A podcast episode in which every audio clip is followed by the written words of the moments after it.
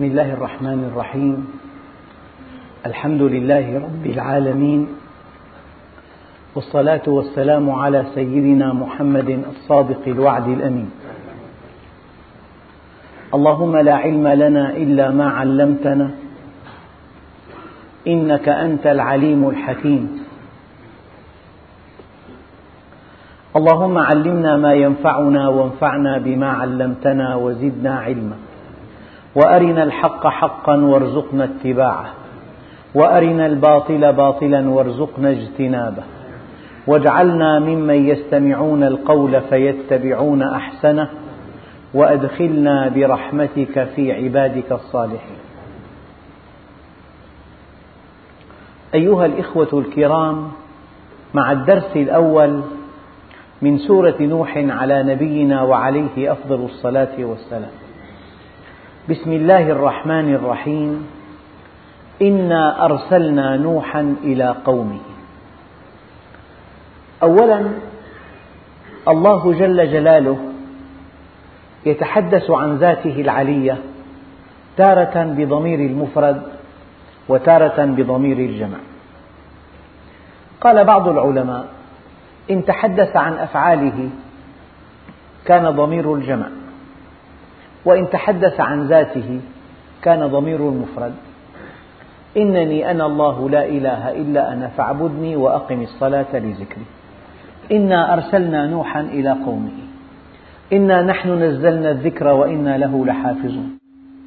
إنا كل شيء خلقناه بقدر. أفعال الله جل جلاله يدخل فيها أو تدخل فيها أسماؤه الحسنى كلها. كل أفعاله. رحمة وحكمة وعدل ولطف وعلم وقوة ورأفة أبدا. أسماؤه الحسنى كلها في أفعاله. هذه واحدة. إنا أرسلنا. يعني لو أن التيار الكهربائي في بيتك 110 ثم بدل إلى 220 وأبلغتك المؤسسة أن هذا التيار خطر لو أن الإنسان يمشي على أرض فيها ماء ولمست يده التيار قد يموت. هل هناك أب على وجه الأرض يبقى ساكتا؟ أم يحذر أولاده؟ أم يبين لهم؟ يحدث زوجته بذلك؟ يعني من لوازم رحمة الأب. إذا في أخطار أن يبينها لأهله. هذا حد أدنى. فربنا عز وجل لأنه ذو الرحمة. من لوازم رحمته جل جلاله. من لوازم رحمته جل جلاله أن يبين لعباده دائما. من آدم إلى يوم القيامة. ولكل قوم هاد.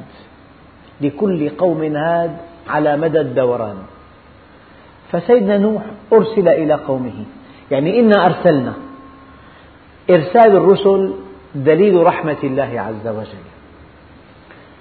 يعني التيار 220 والتيار خطر وقد يؤذي الأولاد. الأب يبين أما هو جالس لو أن أحد أولاده اقترب من المأخذ الكهربائي ووضع يده على هذا المأخذ ماذا يفعل الأب؟ يقوم ويصرخ. ويأخذه ويبعده. فهذا المثل ولله المثل الأعلى. ربنا عز وجل ببين وبربي. يبين تارة ويربي تارة أخرى. إذا في حركة نحو المعصية ربنا عز وجل يؤدب وينهر ويردع ويخوف. وإذا ما في حركة نحو المعصية في بيان. فأولا أولا من لوازم رحمة الله جل جلاله أنه يرسل يرسل إلى كل خلقه يرسل الأنبياء تارة والمرسلين تارة أخرى ومعهم الكتب ومعهم المعجزات ويسخر العلماء والدعاة والخطباء والمدرسين وبأفعاله ينذر ومن خلال أنبيائه يحذر فإرسال الأنبياء أحد مظاهر رحمة الله جل جلاله. إنا أرسلنا نوحا إلى قومه أن أنذر قومك. الإنذار ماذا يعني؟ الإنذار يعني أن هناك خطر متوقع. احذر هذا الخطر. فربنا ربنا عز وجل حينما ينذرنا ينذرنا من ماذا؟ ينذرنا من خطر متوقع. قال تعالى إنما الحياة الدنيا لعب ولهو وزينة وتفاخر بينكم وتكاثر بالأموال والأولاد. كمثل غيث أعجب الكفار نباته ثم يهيج فتراه مصفرا ثم يكون حطاما. تتمة الآية وفي الآخرة عذاب شديد. يعني أنت أيها الإنسان لست كهذه الورقة تخضر ثم تصفر ثم تيبس ثم تزروها الرياح. أنت مكلف ومن لوازم التكليف المسؤولية. من لوازم التكليف المسؤولية. لو أن, لو أن شابا ليس هناك لا ينتمي إلى أي مدرسة وأمضى وقتا في النوم أو في النزهات لا شيء عليه. أما طالب العلم في عنده امتحانات وفي رسوب وفي نجاح في مسؤولية. لأن الإنسان اختار حمل الأمانة ولأن الإنسان مكلف ولأن الإنسان معه منهج ولأن الله سيسأله فإن سمت نفسه على شهوته كان فوق الملائكة لذلك هناك إنذار. يعني الإنسان من دون تكليف ما في عليه شيء من دون أمر ونهي من دون أمانة يحملها ليس مؤاخذا. أما هو حمل الأمانة وكلفه الله تزكية نفسه وأعطاه وعدا آه، بمغادرة الدنيا ووقتا آخر للحساب والعذاب. فالإنسان إذا يجب أن ينذر. طبعا إنا أرسلنا نوحا إلى قومه أن أنذر قومك. في آية أخرى يقول الله عز وجل أولم نعمركم ما يتذكر فيه من تذكر وجاءكم النذير؟ النذير. النبي هو النذير. الرسول هو النذير. القرآن هو النذير. الكتاب السماوي هو النذير. وإذا بلغ الإنسان سن الأربعين ومال الميزان فهذه السن تعد أيضا هي النذير. وإذا بلغ الستين صار بينه وبين مغادرة الدنيا قاب قوسين. هذه السن أيضا تعد من النذير. وإذا أصابته مصيبة تعد من النذير. يعني قال لي أحد الإخوة الكرام اليوم عقب خطة الجمعة أنه سبعين بالمئة من الناس عندهم آلام مفاصل بعد سن الستين. قلت له يعني بطرفة كأن هذه الآلام الإنسان ينحني ظهره يشيب شعره يضعف بصره. يغير أسنانه.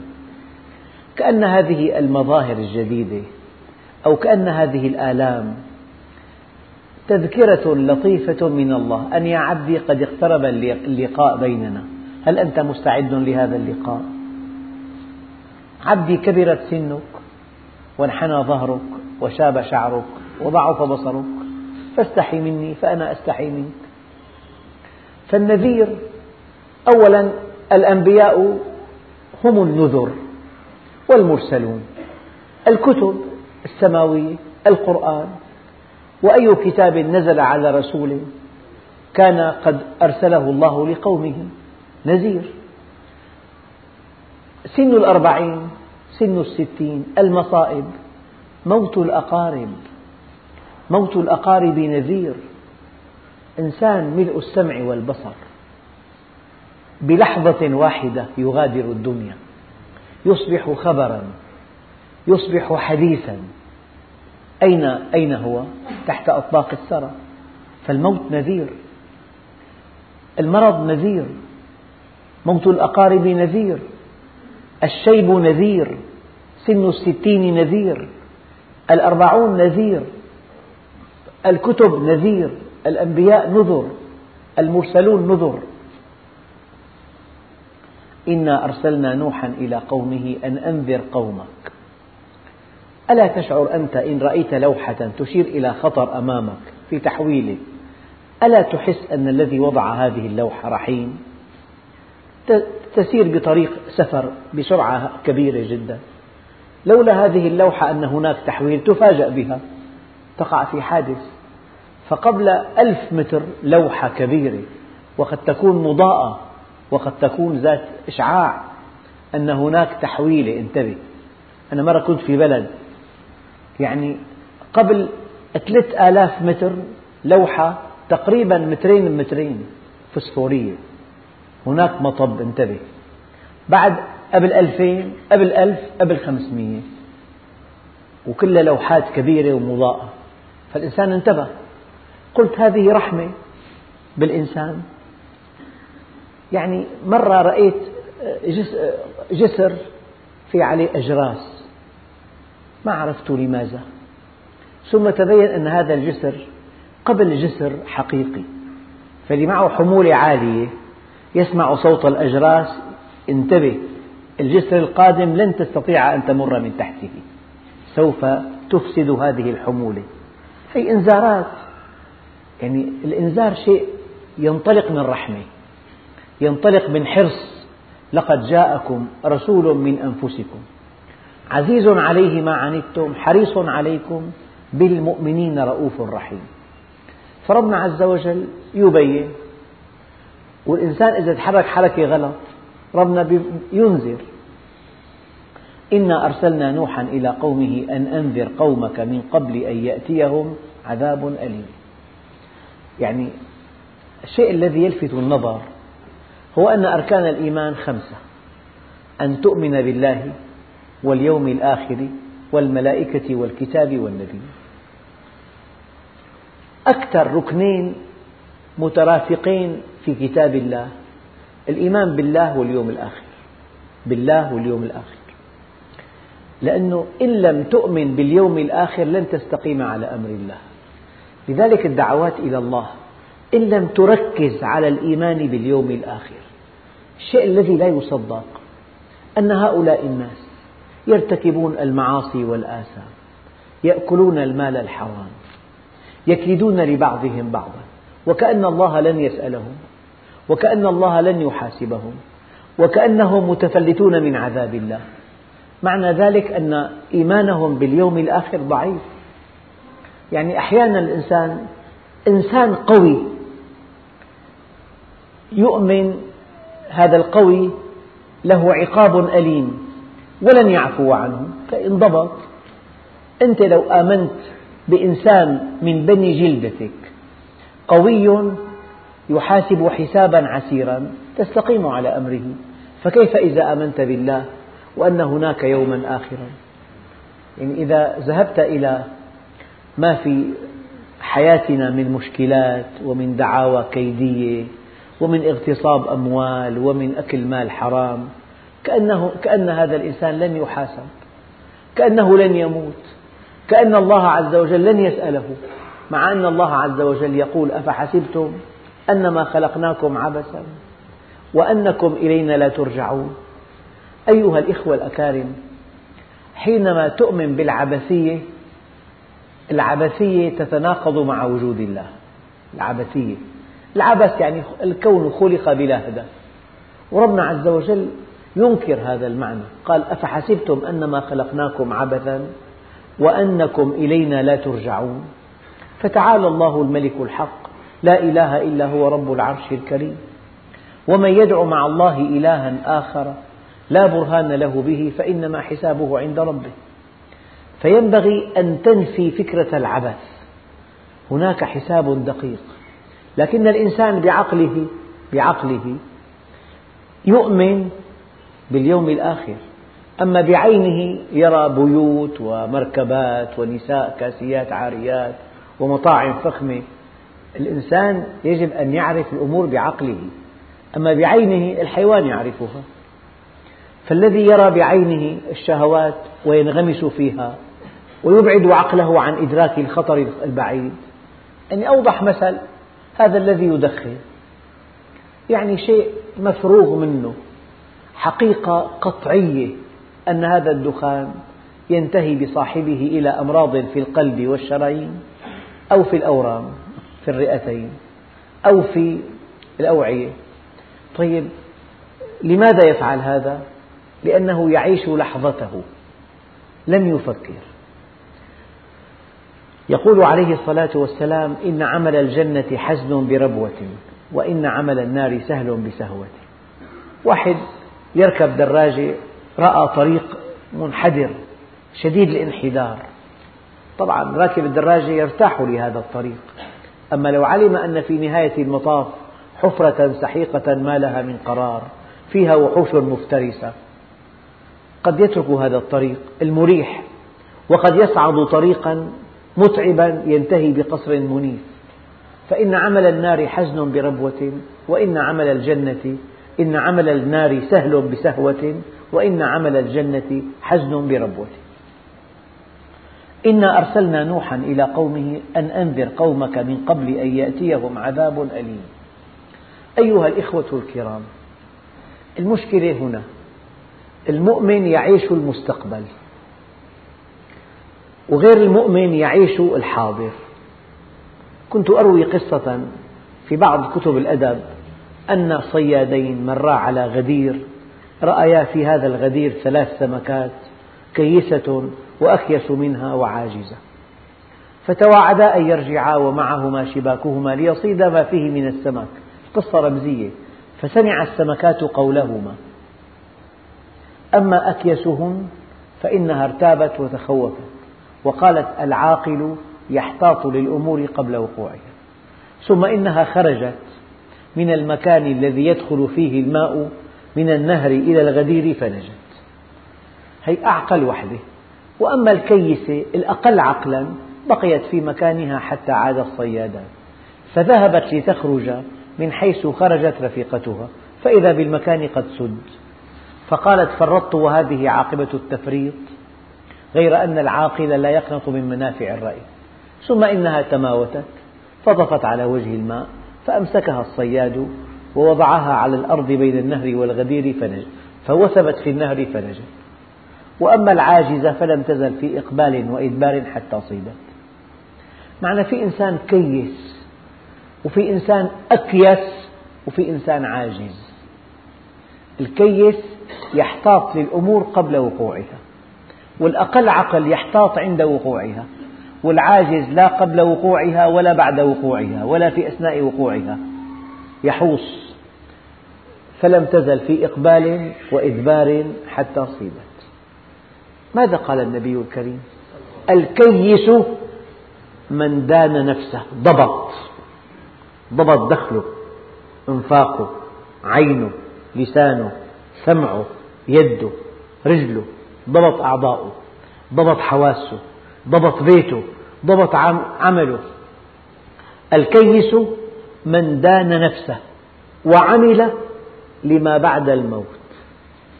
والعاجز من أتبع نفسه هواها وتمنى على الله الأماني. يعني أكاد أقول لكم المؤمن يعيش بحواسه. لحظته الحاضرة عفوا الكافر يعيش بحواسه. لحظته الحاضرة والمؤمن يعيش بعقله المستقبل. هذا الفرق. المؤمن يعيش بعقله المستقبل. العقل ماذا يفعل بالإنسان؟ تصل به إلى الشيء قبل أن تصل إليه. يعني واحد يركب مركبة لو أنه ألقى نظرة على مؤشر الوقود ورآه قبيل الأخير في أول محطة وقود يملأ المستودع. أما لو لم ينظر إطلاقا متى علم أنه انتهى الوقود حينما ينتهي الوقود؟ في مكان ما في محطة وقود. يعني إذا تعاملت مع الحواس المركبة تسير إلى أن تقف بس إنها تقف في مكان غير مناسب ما في محطة وقود. قد تقف ساعتين أو ثلاثة. أما حينما تلقي نظرة على مؤشر الوقود وتفكر بقي خمسين كيلو. إذا تفكر في محطة وقود. لذلك الإنسان مرة ثانية المؤمن يتعامل مع المستقبل بعقله والكافر وغير المؤمن يتعامل مع الحاضر بحواسه لذلك في شهوات. أي شيء يلبي هذه الشهوات يفعله دون تفكير دون حساب دون مسؤولية دون وجس دون خوف. ما دام هناك شهوات أمامه ما دام هناك شهوات مودعة فيه وما دام هناك مادة لهذه الشهوات أمامه يفعل هذا بحيوانية عجيبة. إذا إنا أرسلنا نوحا إلى قومه أن أنذر قومك من قبل أن يأتيهم عذاب أليم. قال يا قوم إني لكم نذير مبين. مبين معه أدلة ينطق بلسانهم بلغتهم. لماذا كان الأنبياء من بني البشر ليخاطبوهم. وما أرسلنا من رسول إلا بلسان قومه إما بلغتهم التي يعرفونها أو بالأشياء التي تفوقوا بها. إذا كان في القوم تفوق في السحر سيدنا موسى يأتي بعصاة تصبح ثعبانا مبينا.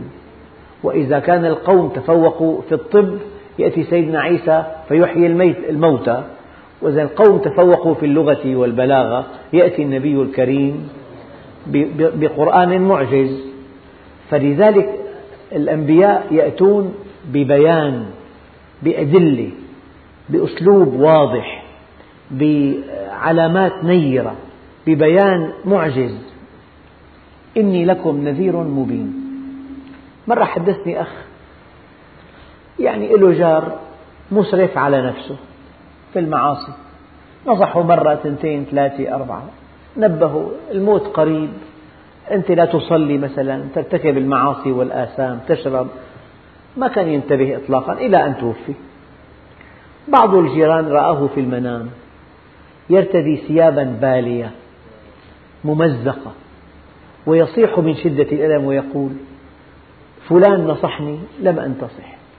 يا ليتني قبلت نصيحته. فإنسان أيام تأتيك نصيحة هذه لا تراها من إنسان يجب أن تراها من الواحد الديان الله سخر لك الإنسان ينصحك. في إنسان تتأبى نفسه قبول النصيحة هذا كبر. أنا في فكرة دقيقة جدا. إنسان أحيانا لا يحب أن يستجيب لداعية لك أصغر مني أنا أكبر منه أنا معي شهادة أعلى منه. أنا لي مكانة اجتماعية أعلى منه. ماشي. لماذا ترى أن هذا الأمر منه؟ هو ينقل لك أمر الله عز وجل. هو ناقل أمين. هذا ليس أمره أمر الله. هذا النهي ليس نهيه نهي رسول الله. فأنت لا تنظر إلى الشخص انظر إلى ماذا يقول. يعطيك أمر ونهي. يعني أحيانا الإنسان لو يركب مركبة وزميل له بمركبة أخرى يعطيه تحذير عن طريق الضوء يأخذ بهذا التحذير. ولو كان هذا الذي حذره عدوا له. يأخذ بهذا التحذير. فالإنسان يجب أن يقف موقف متعقل من هذه القضايا الكبرى في حياة الإنسان. قال يا قوم إني لكم نذير مبين. نذير أحذركم من عذاب يوم أليم. بس نذير من ماذا؟ نذير مبين. ينذرهم ماذا؟ عندنا قاعدة في اللغة أن الشيء إذا حذف أطلق. إذا حذف أطلق. لم يذكر الله عز وجل. ينذرهم من ماذا؟ ينذرهم من عذاب في الدنيا. ينذرهم من عذاب في القبر. ينذرهم من عذاب في الآخرة. ينذرهم من تأديب إلهي. من تضييق من مشكلة. يعني الله عز وجل رحيم. إما أن تأتيه طائعا وإما أن يحملك على أن تأتيه سريعا. يعني إما أن تأتيه طائعا تائبا مستسلما وإما أن يحيطك بمصائب لا سمح الله ولا قدر تدفعك إلى الوقوف على بابه. فلو أنك أتيت الله طائعا من دون مصيبة هذا موقف شريف جدا. يعني في نقطة دقيقة لو أن الله أرادنا أن نعبده خوفا لو أن الله أراد أن يجبرنا على طاعته قضية سهلة جدا. يعني مثلا لو أن رئيس جامعة أراد أن ينجح كل الطلاب قضية سهلة. يوزع أوراق الإجابة مطبوع عليها الإجابة الصحيحة الكاملة. يكتب اسمك ورقمك بس مية. مطبوع عليها بالأحمر علامة مئة من مئة. سهلة. بس هذا ليس امتحانا. وهذا الامتحان لا يسعد الناجحين فيه ولا قيمة له عند المجتمع ولا عند الناجح ولا عند الجامعة. لأنه قصر. لذلك الله عز وجل أرادنا أن نأتيه محبين. لذلك كلمة عبد قد تعني عبد قهر وعبد القهر يجمع على عبيد. وقد تعني عبد شكر وعبد الشكر يجمع على عباد. فكل إنسان مقهور في وجوده إلى الله. لو توقف قلبه انتهت حياته. لو تجمدت نقطة الدم في دماغه انتهت حياته. سكتة دماغية سكتة قلبية اليوم ذكرت على المنبر أن الإنسان إذا شرب الماء عبا في عصب اسمه العصب الحائر. والعصب المبهم له اسمان. هذا العصب بين المعدة والقلب. فإذا جاء تأثير شديد جدا على هذا العصب ربما أمر القلب بأن يكف عن النبض. وفي حالات كثيرة في العالم موت مفاجئ من شربة ماء غبا. قال عليه الصلاة والسلام مصوا الماء مصا ولا تعبوه عبا فإن الكباد من العب. يعني معدة حارة تأتي بلتر ماء تلقيه في جوفك مباشرة فجأة. هذا يعطي تأثير قاسي. ربما نهى القلب عن النبض. لذلك قال يا قوم إني لكم نذير مبين. نذير مبين يعني الإنسان أحيانا يدرك الحقيقة فيلتزم. فعبد القهر عبد القهر كل واحد منا مقهور بوجوده إلى الله عز وجل. لو توقف قلبه مات لو تعطل دماغه مات في موت دماغ لأنه في موت قلب. نحن نظن موت القلب هو الموت. الحقيقة موت الدماغ هو الموت. نعم. مقهورين. أما الذي عرف الله واستقام على أمره وتقرب إليه هذا عبد الشكر. قال تعالى وعباد الرحمن الذين يمشون على الأرض هونا. قال تعالى وما ربك بظلام للعبيد. العبيد غير العباد. فإذا كنت تعرف الله عز وجل وتحبه وتتقرب إليه فأنت من عباد الرحمن. أما إذا كان الإنسان غارقا في شهواته فهو من عبيد الشيطان. قال يا قوم إني لكم نذير مبين أن اعبدوا الله واتقوه وأطيعون. اعبدوا الله يعني طالب في المدرسة. هويته في المجتمع طالب. عند والده ووالدته طالب. عند إخواته طالب. عند أقربائه طالب. عند أصدقائه طالب. في الحي طالب. طيب. ما دام هو هويته طالب ما مهمته الأولى في حياته؟ الدراسة فقط. طيب. أنت عبد لله. ما مهمتك الأولى في حياتك؟ أن تعبده. وما خلقت الجن والإنس إلا ليعبدون. المهمة الأولى أن تعبده. العبادة علة وجودك على وجه الأرض. أنت هنا من أجل أن تعبده. فإذا واحد قال ليس عندي وقت أن أستمع لدرس علم أو ليس عندي وقت أن أصلي. هل تعلمون هذا ماذا يشبه؟ إنسان آه، أخذ شهادة عليا في الطب واشترى عيادة وأجهزة معقدة جدا كلها بالدين ويحمل أعلى شهادة.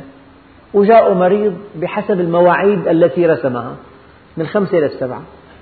فقال أنا مالي فاضي. لك أنت فاضي لإيش لك؟ أخذت دكتوراه ب 33 سنة واشتريت عيادة بالدين بمليونين وأجهزة بمليون وجينا في الوقت بالوقت الذي أنت خصصته. إذا قال مالي فاضي بيكون مجنون. قال ليش فاضي؟ فإذا إنسان قال لك أنا مالي ما عندي وقت صلي. أو ما عندي وقت اطلب العلم. أو ما عندي وقت أحضر مجلس علم. أو ما عندي وقت افهم كتاب الله. أو ما عندي وقت أفهم سنة رسول الله أو ما عندي وقت أعرف أحكام الفقه. نقول لك أنت موجود على وجه الأرض من أجل أن تعبده ولن تستطيع أن تعبده إلا إذا عرفته. فإذا عرفته أطعته وإن أطعته سعدت بقربه. فأنا ما في كلمة أشعر أنها تنطلق من غباء أو من سوء فهم أو من عمى. كالذي يقول لك أنا ليس عندي وقت لأن أطلب العلم. علة وجودك على وجه الأرض أن تعلم. الله الذي خلق سبع سماوات ومن الأرض مثلهن يتنزل الأمر بينهن لتعلموا. لام التعليل لام التعليل. أنا جئت إلى المدرسة لأتعلم. الله الذي خلق سبع سماوات ومن الأرض مثلهن يتنزل الأمر بينهن لتعلموا أن الله على كل شيء قدير وأن الله قد أحاط بكل شيء علما قال يا قوم إني لكم نذير مبين أن اعبدوا أن اعبدوا الله. طاعة طوعية ممزوجة بمحبة قلبية. أساسها معرفة يقينية تفضي إلى سعادة أبدية. في العبادة ثلاث كليات. كلية معرفية وكلية سلوكية وكلية جمالية. ما اتخذ الله وليا جاهلا؟ الذي يعبد الله على شيء من العلم؟ مستحيل. كيف تعبده؟ والذي يعبد الله على شيء من الخلق؟ مستقيم. لا يكذب. لا آه، يغتاب. لا يتكبر. لا يجحد. والذي يعبد الله على شيء من السعادة. يعني في علم وفي انضباط وفي سعادة. هي العبادة. علم انضباط سعادة. جانب معرفي جانب سلوكي جانب جمالي. أن يعبدوا الله. واتقوه يعني اتقوا عذابه. يعني إن لم تعبدوه هناك عذاب. فأنت إما أن تعبده لأنك تحبه وإما أن تفكر. ينبغي ألا تقع تحت وطأة عذابه. يعني اعبدوه فاتقوا الله أن يعبدوا الله واتقوه. ولن تستطيعوا أن تتقوا الله عز وجل إلا إذا اتبعتم سنة رسوله وأطيعون لذلك ربنا عز وجل لم يقبل من إنسان دعوى محبته إلا بطاعة رسوله. قل إن كنتم تحبون الله فاتبعوني يحببكم الله ويغفر لكم. أن اعبدوا الله محبوبية واتقوه خوفا وأطيعوه وسيلة وأطيعوني وسيلة بطاعة رسول الله تصل إلى محبة الله عز وجل. يعني والله ورسوله أحق أن يرضوه. قالوا عين إرضاء رسول الله عين إرضاء الله. وعين إرضاء الله عين إرضاء رسول الله. واحد. يعني تقريبا الحقيقة النبوية لو أن لوح من البلور شفاف تماما يشف عما وراءه. ما في وجود لذات النبي. إنه يعبر عن حقيقة هذا الدين يعبر عن ذات الله عز وجل. فلذلك إذا عرفت إذا أطعت رسول الله وصلت بطاعته إلى الله. أن اعبدوا الله واتقوه وأطيعون يغفر لكم من ذنوبكم. أما هذه المن ينطوي فيها معنى خطير يعني يغفر لكم بعض ذنوبكم. من للتبعيض. أية ذنوب؟ قال التي بينكم وبين الله. أما التي بينكم وبين العباد فلا تغفر إلا بحالتين بالأداء أو المسامحة. لأن حقوق الله عز وجل مبنية على المسامحة بينما حقوق العباد مبنية على المشاححة. حقوق العباد مبنية على المشاححة بينما حقوق الله عز وجل مبنية على المسامحة. يغفر لكم من ذنوبكم ويؤخركم إلى أجل مسمى. من أجمل معاني هذه الآية.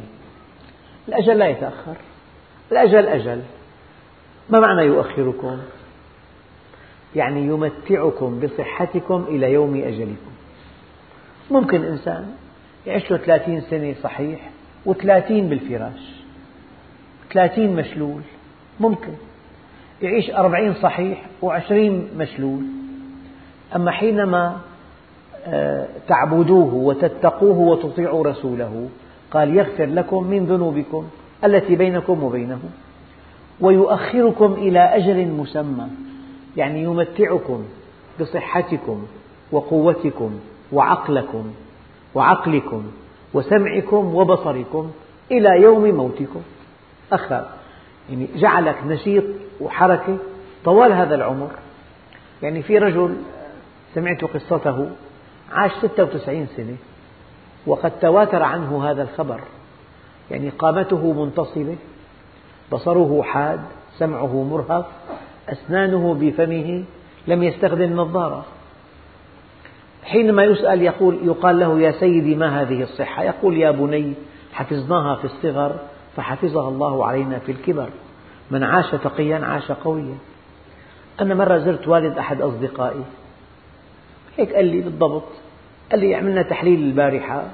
كله طلع جيد عمره 96 سنة ولا مشكلة بالتحليل لا بالكوليسترول ولا بال acide urique ولا الشحوم الثلاثية. ولا حمض البول ولا السكري أبدا.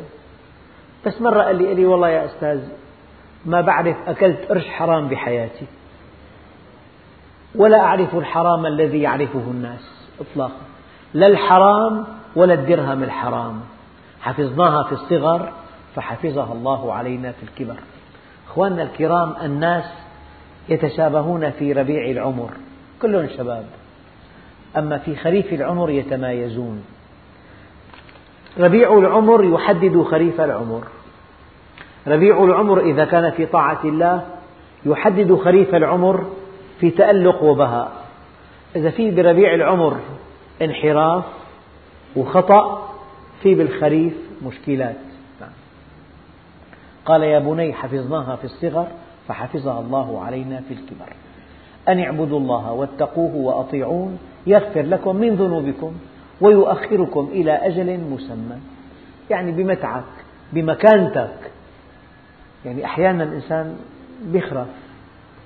قال لي أخ قال لي والله والدتي من ربطها على ديوان نربط يديها فوق رأسها إلى طرف السرير ورجليها إلى الطرف الآخر. قلت له لماذا؟ قال لأنها تأكل غائطها وتخلع كل ثيابها. ثم يرد إلى أرذل العمر لكي لا يعلم من بعد علم شيئا. فالإنسان إذا حفظ الله في الصغر حفظ الله عليه صحته وعقله ومكانته. والله زرت إنسان في بلدة في الشمال يعني دعا إلى الله بإخلاص عمره حوالي 95 سنة. والله ما رأيت ملكا في عرشه كما رأيت هذا العالم. أنه ما دام حفظ الله في الصغر مكانة شخصية منطق أدب محبة مخدوم محفود محشود. كل الناس أمامه. هي الذي كانت له بداية محرقة له نهاية مشرقة. من لم تكن له بداية محرقة لم تكن له نهاية مشرقة. يغفر لكم من ذنوبكم ويؤخركم إلى أجل مسمى. إن أجل الله إذا جاء لا يؤخر. لو كنتم تعلمون. فالأجل لا يؤخر أما يؤخركم إلى أجل مسمى يعني يمتعكم بصحتكم طوال عمركم. زرت شخص يعني يعمل في في الحقل الديني أعرف عمره 85 سنة. قلنا له كيف الصحة؟ قال لي الحمد لله والله على هوا سني ممتازة صحته حركته نشيطة يعني بكامل حواسه الخمس بكامل إدراكه. ويعمل في الإفتاء. قال لي الحمد لله. كلما رأيت إنسانك بسن متقدمة وصحة طيبة أقول سبحان الله شيء جميل جدا إنسان يعني يكون له بداية محرقة هذه النهاية المشرقة.